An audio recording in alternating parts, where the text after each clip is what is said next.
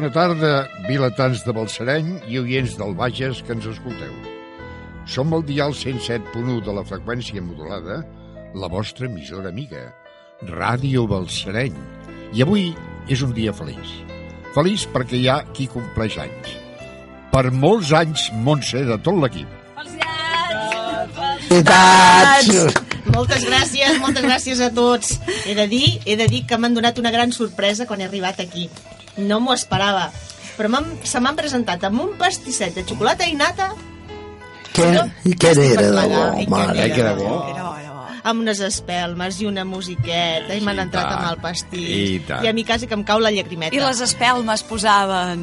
Mm, per molts anys, no, Montse. per molts anys, Montse. Res més. Per molts anys, Montse. Doncs vinga, som-hi. Doncs seguim. Amb la panxa plena, sí? Amb la panxa Amb plena. la panxa molt plena, amb moltes ganes de riure. Això que no hem begut cava, eh? I seguim amb la nostra sintonia habitual, eh? perquè avui comencem, com sempre, un programa quinzenal d'Avui Teatre.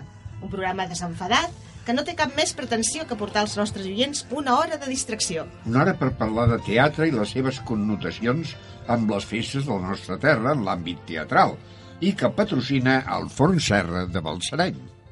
Com sempre, col·laboren amb nosaltres les veus radiofòniques del grup Talia. Imma Pla de Vall, Molt bona tarda.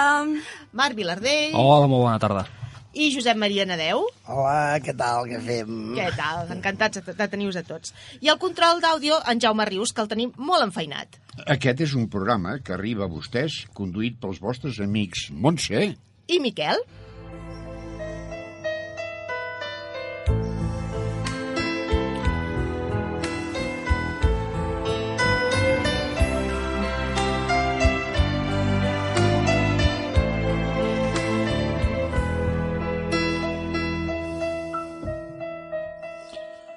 El programa d'avui estarà dedicat al teatre de misteri.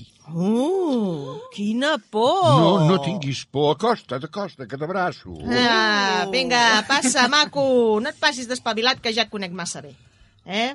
Això de por era un dir. No sempre el teatre de misteri és de terror. No confonguis les coses. Exactament. En general, és un tipus de teatre que mou les neurones. L'autor teixeix una tela d'aranya al voltant dels personatges que desafia la ment de l'espectador. El món del teatre de misteri seria pràcticament un desconegut, a no ser pel nom, de l'escriptora més prolífica del gènere de misteri, la gran, inigualable Agatha Christie. De fet, Hollywood ha fabricat infinitat de pel·lícules basades en llibres d'aquesta escriptora i també d'altres prou coneguts i importants com Conan Doyle, Chesterton, Early Stanley Garner amb el seu inolvidable Perry Mason i molts d'altres. És una literatura que abarca gran part de la nostra societat, però que seria impossible portar títols de tantes i tantes novel·les que s'han portat al cinema. Uh, però, veus, en canvi, en el teatre mm, ha anat més fluixet, això. És que crec que en l'àmbit del teatre la mateixa Agatha Christie va escriure algunes obres representades amb èxit. Sí, però molt poques van sortir del teatre representat a la Gran Bretanya. Potser a causa que el cinema té molts més recursos per exhibir-les. Uh, he fet un repàs de dades i em surt una primera pel·lícula que ja havia estat posada a l'escena i que segur que el Miquel i el Nadeu l'han vist alguna vegada. Oh. Apa, Nadeu, la Montse, amb la seva habitual subtilesa mm. i civilinament ens està dient. Sí. Oh, potser és que ho som. Eh? Apa, home, damunt li fas la pilota. Pots ben riure, guapa. Després en parlarem, vale? Veus, veus? El Josep Maria accepta les realitats, eh? És que és així. Però a veure, uh, recordeu o no una pel·lícula anomenada Testigo de Carga? De Ah, cargo, doncs- perdó, eh? Testigo doncs de sí. cargo, ho he dit malament. Doncs sí, sí, una gran pel·lícula que et porta les neurones al límit. Una excel·lent interpretació de Marlon Dietrich, Tyrone Power i un inigualable Charles Lawton, nominada a set Oscars. Oi, Miquel, quin anglès tan ben, tan ben pronunciat que tens. Oh, No, no, és que la professora d'anglès és la Imma, eh? Ui, així, així pots anar pel pedregar. Fa classes particulars o què? Mira, continuant amb l'Agatha Christie. Eh? Penso que va ser una de les primeres novel·les d'Agatha Christie que va adaptar al cinema i al teatre. El cinema, potser sí. Uh, estic llegint que va ser rodada el 1957. Doncs al teatre n'hi ha d'anteriors. Almenys una que va batre tots els rècords imaginables. Fixeu-vos, 22 anys seguits en cartellera al mateix teatre, dia a dia, amb un total de 24.537 representacions. Que es diu Us aviat, imagineu? es diu aviat, eh? Us imagineu? No, no, no m'ho imagino, perquè són tantes que no m'ho puc arribar a imaginar. Un fotimer de gent. Uh, aquesta encara avui em, em sembla que és la quina vols dir, encara representa, i va ser estrenada el 1952, eh? cinc anys abans de Testigo de Cargo. I fa poc eh, la van fer a Manresa, precisament, la vaig veure. I si no estic equivocada, es titula La ratera. Sí, així mateix es diu. I es va estrenar a Espanya en castellà La ratonera. En canvi, el detectiu per excel·lència de les novel·les policíaques, que era Sherlock Holmes, en el teatre s'ha representat més aviat poc. Sí, potser perquè les seves aventures, eh, l'autor Conan Doyle i l'ambienta, les ambienta així en una Anglaterra victoriana i en més moviment de cavalls i cotxes i clar, això en teatre és com més difícil de representar. Sigui com sigui, nosaltres avui estrenarem en radioteatre una obra d'Agatha Christie. Però abans, Jaume, aquella rumba de la publicitat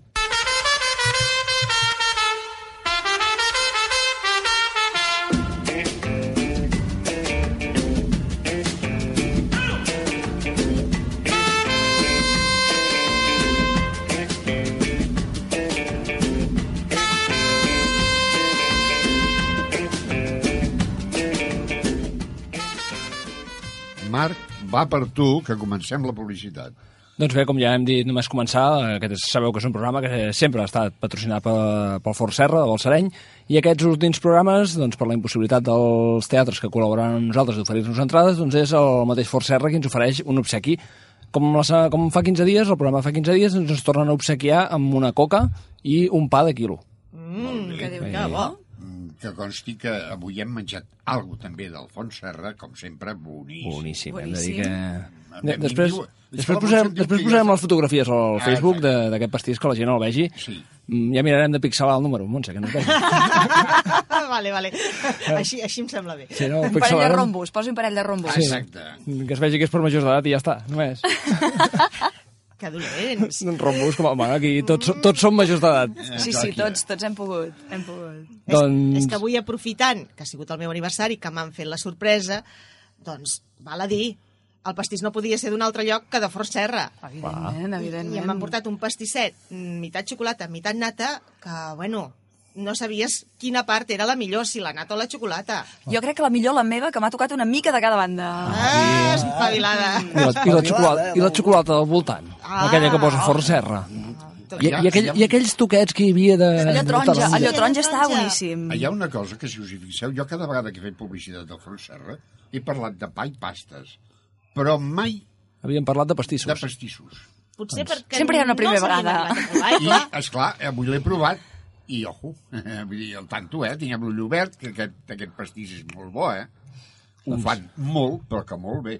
Per l'audiència que no ens veu, que sàpiguen que el poquet que ha quedat el tenim a la nevera, el Marc l'ha tancat amb candau, Sí, sí. eh, perquè si no segurament faltaria gent ara al programa i estaríem acabant de fer el ressupó. Bé, jo no, no, no vull dir res, però és que l'he l'he amagat perquè em fa por que el Miquel se l'acabi.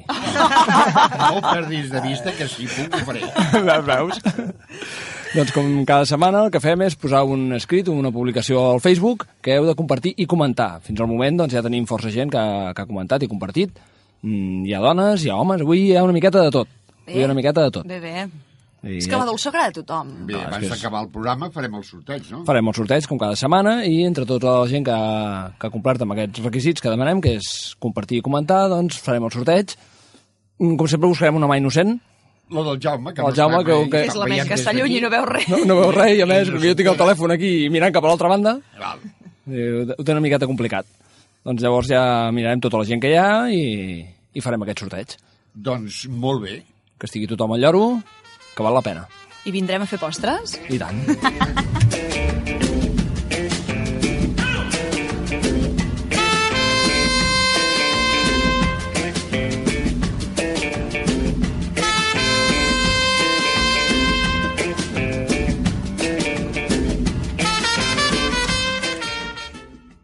I ara, senyores i senyors, us presentarem en les veus del quadre escènic d'aquesta emissora un guió de l'equip del programa, basat en una obra d'Agatha Christie, que hem titulat Una mort sobtada. Serà interpretat per les veus del grup Talia d'aquesta emissora amb el següent repartiment. sempre per ordre d'actuació davant el micròfon. Josep Maria Nadeu com a narrador. Montse Adelles com a Miss Marple.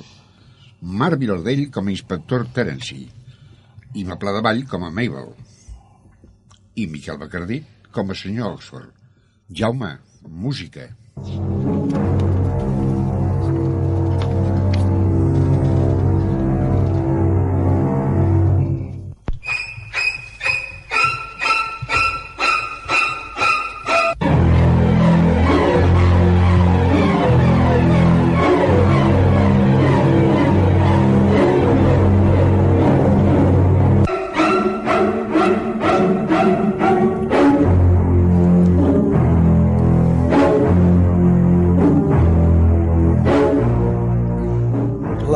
península de Cornualles, al sud-oest d'Anglaterra, és terra de celtes i les seves escarpades costes, plenes de penyes segats de gran bellesa, s'aixequen majestuoses sobre el mar cèltic.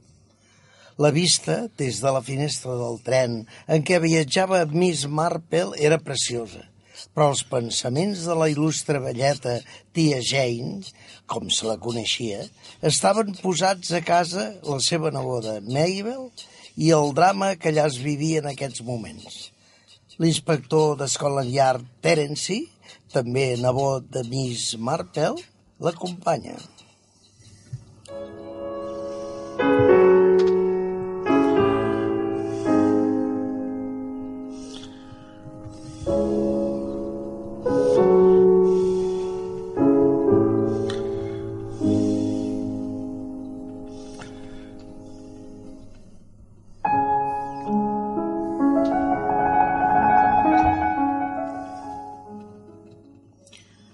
Nego a pensar que la Mabel tingui res a veure en la mort del seu marit. Tia Jane, tu saps que la Mabel és una mica inestable i neuròtica. Res m'estranyaria. De fet, ets tu qui ha parlat amb la Mabel. Ni tan sols sé si està detinguda. No, Terence, no està detinguda perquè el metge del poble va certificar la mort per intoxicació, per menjar en mal estat. Per tant, la policia local no té masses elements de judici. Eh, Però segons la Mabel, hi ha molta gent que apreta perquè la policia actui i es parla d'exhumar el cadàver. I la Mabel? Li fa por l'exhumació? No ho hem comentat, eh, però pensa que Polperran és un poblet molt petit, només d'uns mil habitants, i la gent parla. Mira, tia Jane, estem arribant a l'estació de Pol Perran. Tan aviat com haguem saludat a la teva neboda, m'arribaré al saló de policia i que m'expliquin què fa el cas.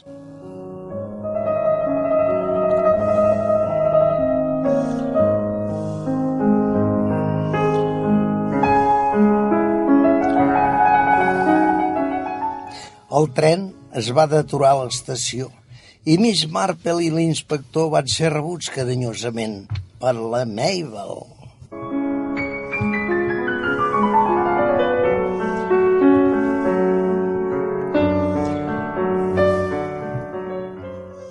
Hola, tia Jane. Quina sort que hagis vingut. Em trobo tan sola. Eh, Sóc aquí perquè a la teva carta vaig notar que estaves molt agobiada.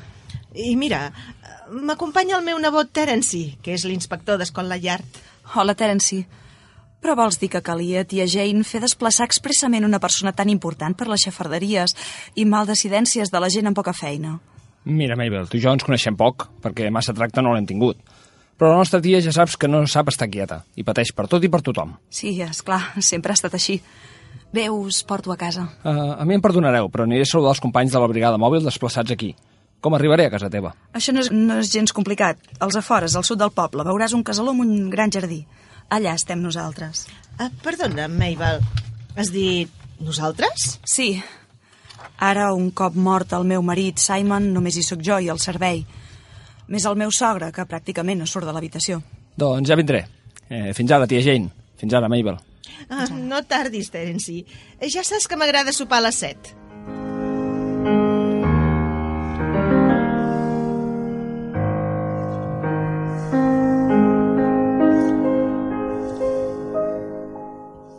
Mentre el servei preparava la taula per sopar, Miss Marple, acompanyada de la Mabel, recorria la casa.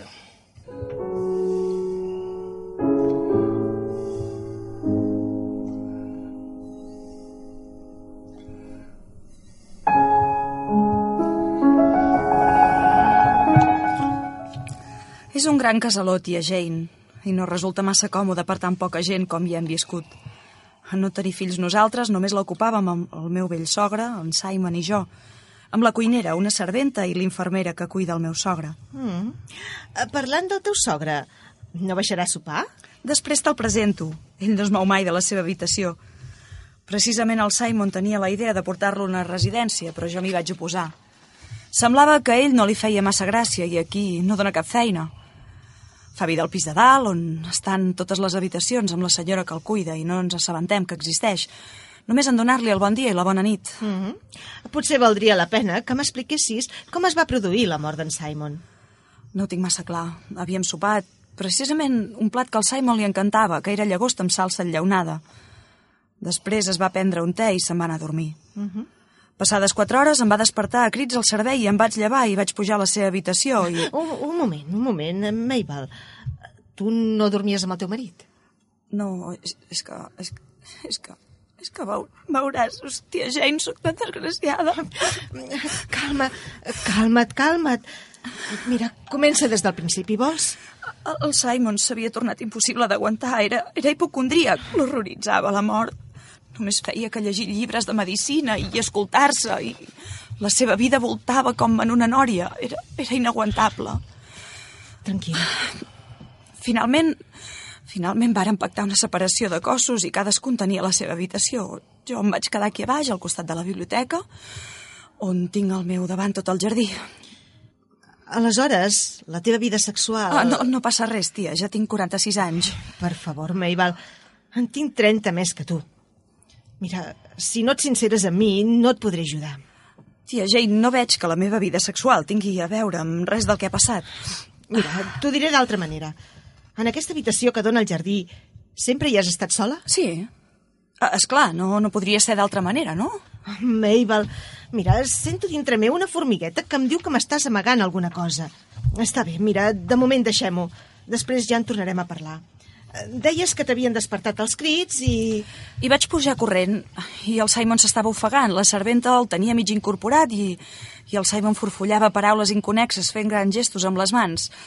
Vaig baixar aquí baix i vaig telefonar al metge, que va trigar una mitja hora en arribar. I tu, entretant, què vas fer? Res.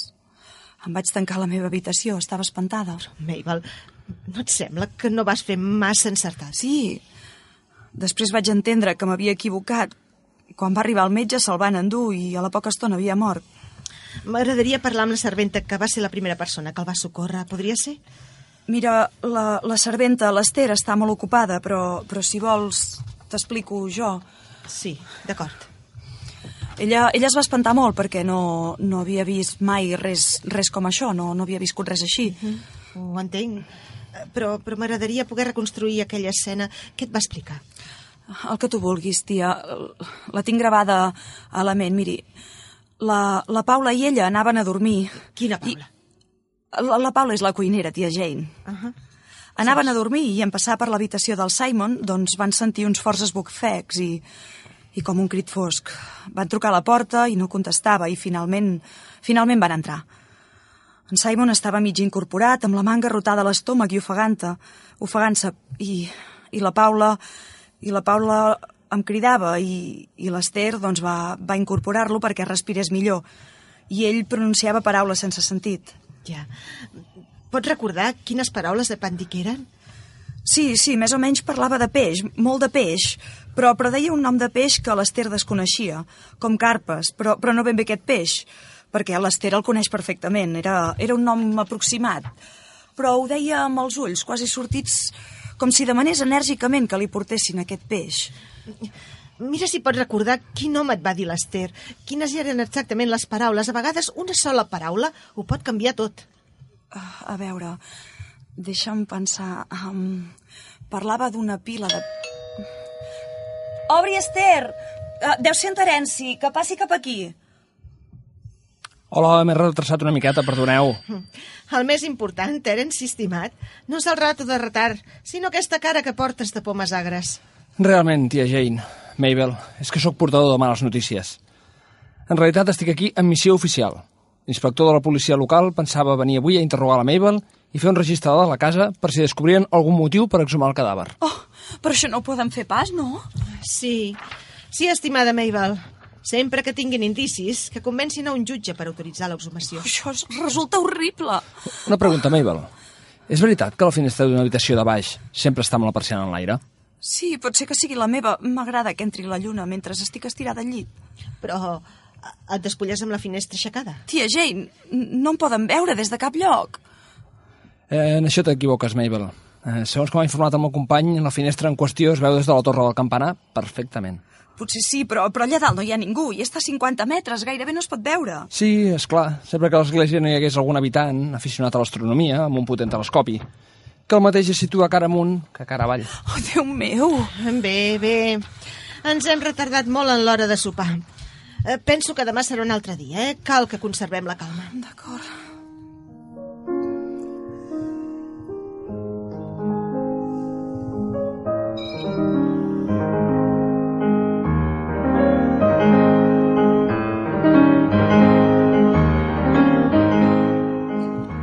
Sopar poca cosa va donar de més.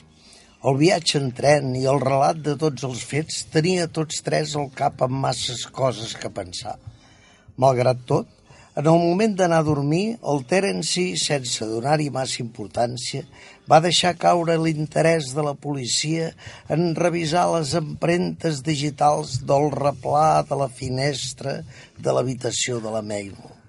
La noia va enrugir.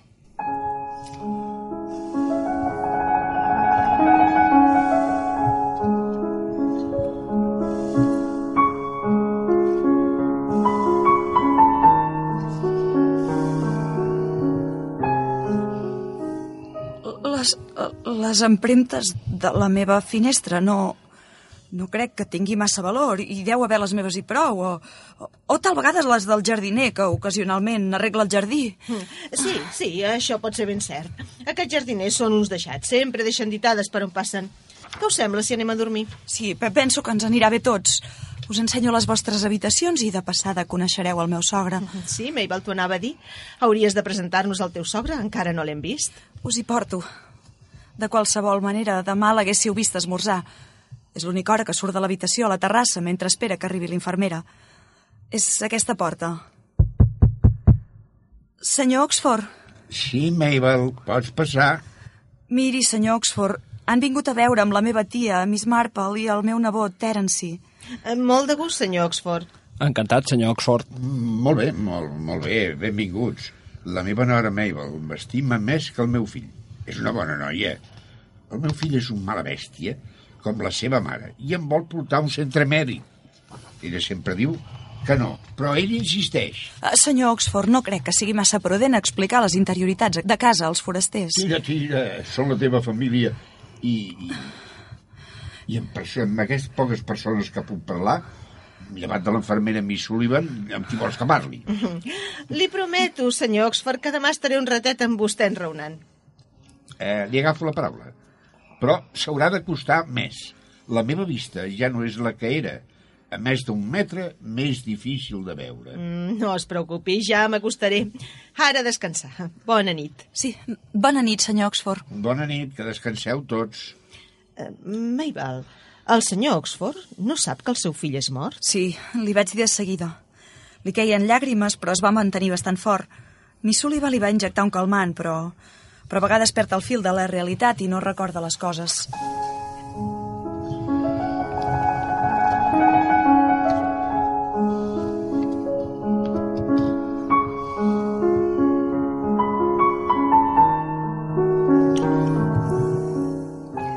La tempesta del mar Cèltic va portar la petita població una nit moguda, però el matí següent el temporal havia acabat i Miss Marple va decidir anar a donar un passeig abans de l'esmorzar. Entretant, al casaló, Terence reunia amb Mabel. Les cares de tots dos reflectien una gran tensió.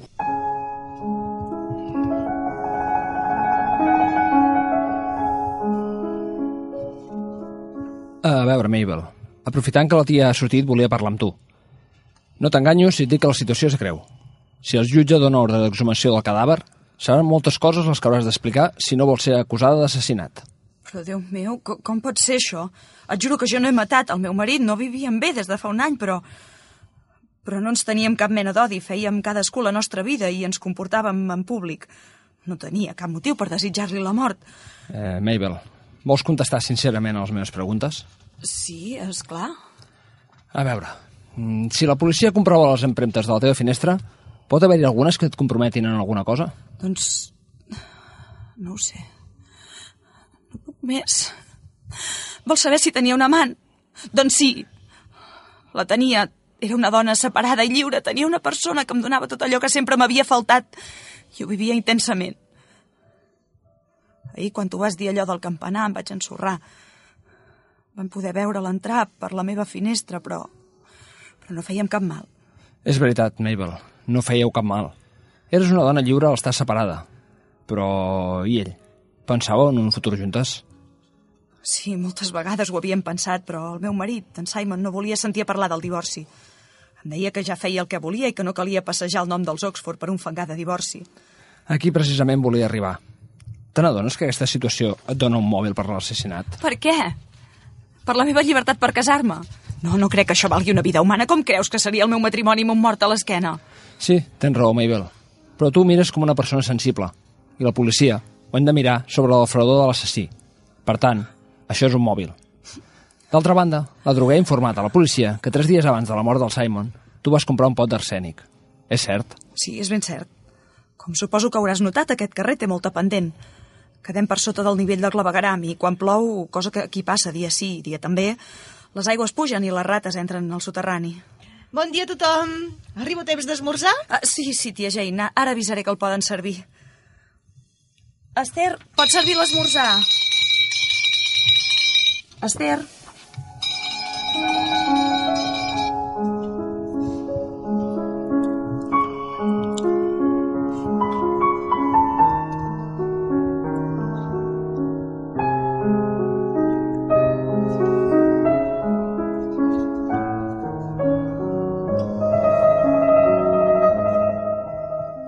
L'esmorzar va transcórrer en un ambient tens.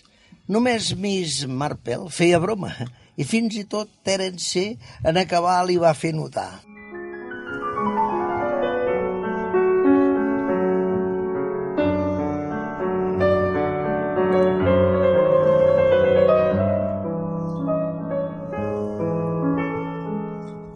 Tia Jane, et veig molt xiroia en uns moments que no són gaire afortunats. Què vols que et digui? He fet un bon passeig, he passat per la tenda... Per cert, Mabel, la noia de la tenda m'ha ensenyat les llaunes de llagosta en salsa i les té en perfecte estat de conservació. Hauràs de dir al metge d'aquest poble que té per l'ull. Tia Jane, et trobes bé? Tu ets una persona seriosa i molt intel·ligent.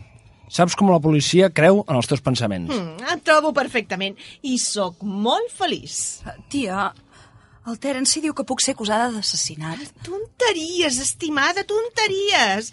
A vegades la nostra policia només diu tonteries. Tia Jane, ho hauré de dir Miss Marple. Saps que tenim un problema gros. Quin problema, Terence? Cap, tia Jane. Estic segur que, com sempre tu saps alguna cosa que jo no sé, només deixa'm que digui que la Mabel té en contra d'ella el possible mòbil del crim i, a més, la compra d'arsènic. Mm, algo d'això sabia. De fet, en un poblet així, eh, no sabeu la quantitat de gent que t'explica coses sense necessitat de preguntar-les.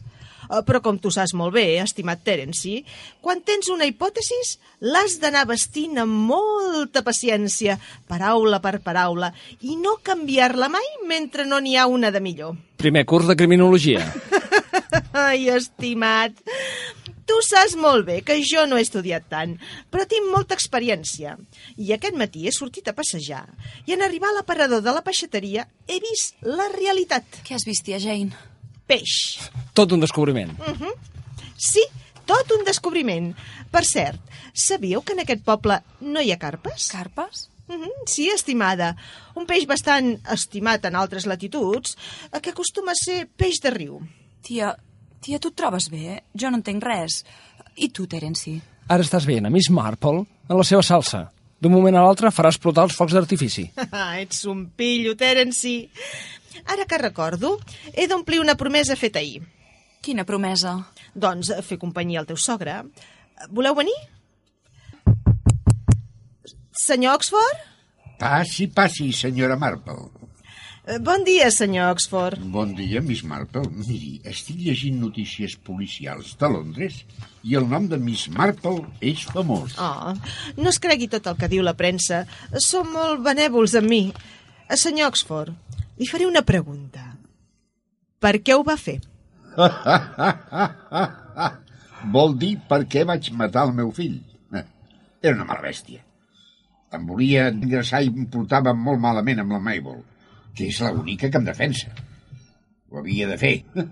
Ai, des d'ahir sabia que vostè em descobriria. Sí, els seus ulls van repassar tot i va tenir evidències amb les paraules de l'Ester. La felicito, Miss Marple. Tia Jane, has jugat brut. Però ens expliques com ho has sabut? No m'ho puc creure, però com podia vostè matar el seu fill? Jo us ho diré. Hi ha tres claus en el misteri. La primera, un got d'aigua que sempre tenia el Simon a la tauleta de nit. La segona, les gotes pels ulls que pren el senyor Oxford. I la tercera, les paraules incoherents que la serventa va escoltar d'en Simon. I com es lliguen aquestes claus? Recordareu que l'Ester va entendre que el Simon s'agitava molt repetint algo així com piles d'algun peix? El nom del peix s'assemblava carpes, però per aquestes latituds no hi ha carpes, com avui he comprovat a la peixateria. La pregunta era, per què tanta agitació per parlar de piles d'un peix que ell no coneixia? La resposta estava en un dels llibres de medicina, als que tan aficionat era en Simon. Piles de carpes? I, i medicina? Mm, sí, estimat. El Simon tenia set i va beure un bon glob d'aigua. Tan prompte l'aigua va arribar al seu estómac, es va sentir malament i es va donar que l'havien enverinat. S'ofegava. Sabia, per haver llegit la simptomologia del verí, i el que demanava angoixat era un antídot. Però el nom no li sortia prou bé, i l'Ester no ho va entendre. La paraula clau no era piles de carpes, sinó pilocarpina, l'únic antídot conegut contra l'atropina, que es troba en alta concentració en les gotes que el senyor Oxford pren pels ulls. El senyor Oxford, que a poca distància veu perfectament, es va desplaçar a l'habitació del seu fill i va abocar el contingut de les seves gotes en el got d'aigua. La pilacorpina és transparent com l'aigua i és inodora. Això, això és el que va passar. Sí, això va ser. És molt llesta, vostè. eh? Ja li vaig dir jo al tossut del Simon que primer marxaria ell d'aquesta casa que jo.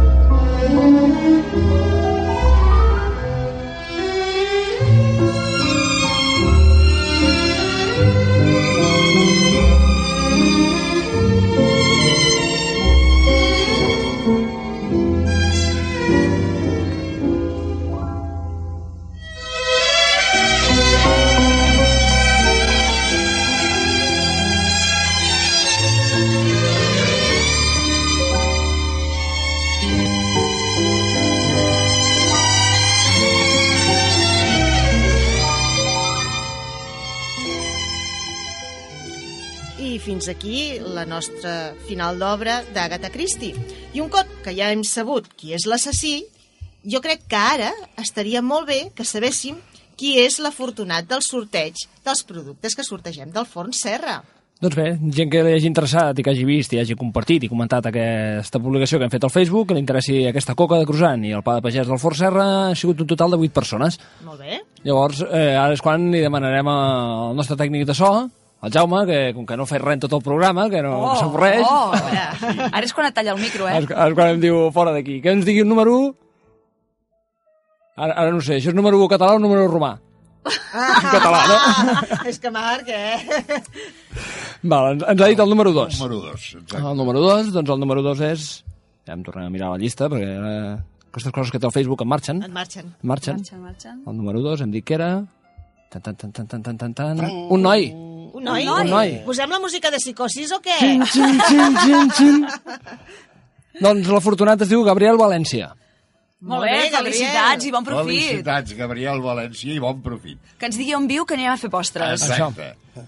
Sí, perquè la, la coca val, eh? La coca és boníssima, i el pa també, eh? I, i, ara, I avui hem comprovat que els pastissos també. També. I, també. Immillorables. Jo crec que ara hauríem de fer tots allò, un crit de guerra al 5 de com i de dir Visca el Fort Serra de Balsareny! Ué, Visca, visca! El tema sincronització no ho portem bé, però les No, ganes les hi Les posem, ganes eh? les hi han posat tot. Totes. Bé, això és una obra de teatre que s'ha de practicar diverses vegades, no? Ens hem d'anar fent. Sí, sí. Ja, ja. Tenim el títol, sincronització. Sincronització. Bé, eh, ens repeteixes, Marc, el nom? Sí, el nom de l'afortunat ha estat Gabriel València. Gabriel València, ja saps. Ens posarem en contacte amb ell a través del. Facebook i que ens passi fotos i aquestes coses, també. Exacte. I a veure si ens dius si t'ha agradat o no Ah, això agradat. mateix. I ara seguirem amb notícies. Eh, notícies pels nostres radiovients de tot el Bages. El proper programa d'Avui Teatre, que tocaria el proper 16 de juny, el posposarem una setmana per celebrar el programa número 25 d'Avui Teatre. Mira, els anys del Montse. Eh? Ja està, ja no te n'has pogut estar, eh? Ah, dit, eh? Doncs No, va, 25 Montse, no. segueix Sí, tu. 25. Sí, sí. Jo també els tinc. Els números, el número Jo també els tinc. Són totalment correctes. Jo també els tinc. Jo també. Ah, veus? Tots els aquí presents els tenim. Continua. Eh, doncs sí, doncs aquest proper programa eh, l'hem fet coincidir amb Sant Joan. 25, eh, ja, Miquel, eh? Sembla impossible, Eh que sí, 25, eh eh? sí. I fa quatre dies que començàvem, Quatre eh? dies, eh? I, escolta'm, com hem arribat, eh? 25. Ara, ara, ara hem de fer un resum d'aquells que fan a les televisions i a les ràdios, eh? Amb els millors moments. Amb els millors. Això per, per la programació d'estiu, Sí. que és quan la gent agafa les vacances, llavors podem fer... Podríem, podríem. Un retallar enganxa. Doncs, en aquest programa, que farem coincidir amb Sant Joan, us oferirem unes mostres d'un musical de Degoll de Gom que es titula Nit de Sant Joan. I després d'aquest 25è programa, eh, ho sento, però ens toca anar de vacances. I no ens tornarem a veure fins al setembre, que tornarem amb el mateix programa, però amb un nou format. Jo us volia... Aquí em fico una miqueta i, Fica't, fica't. i encarrego el guió del Miquel. Patapam. Però, eh, així, perquè, jo, perquè jo lo valgo, com el que sí. doncs per dir-vos que, que estigueu atents a aquest programa el dia 23, doncs perquè serà un programa especial diferent, una miqueta diferent als que s'estan Compte, s'estan fent compte, fins compte, ara. 23 no, eh? Sí, 23. Sí, sí, 23. Ah, sí, perdó, Sí, 23, 23. Sí, sí, 23. perdó, perdó. Serà una miqueta diferent. Aquest.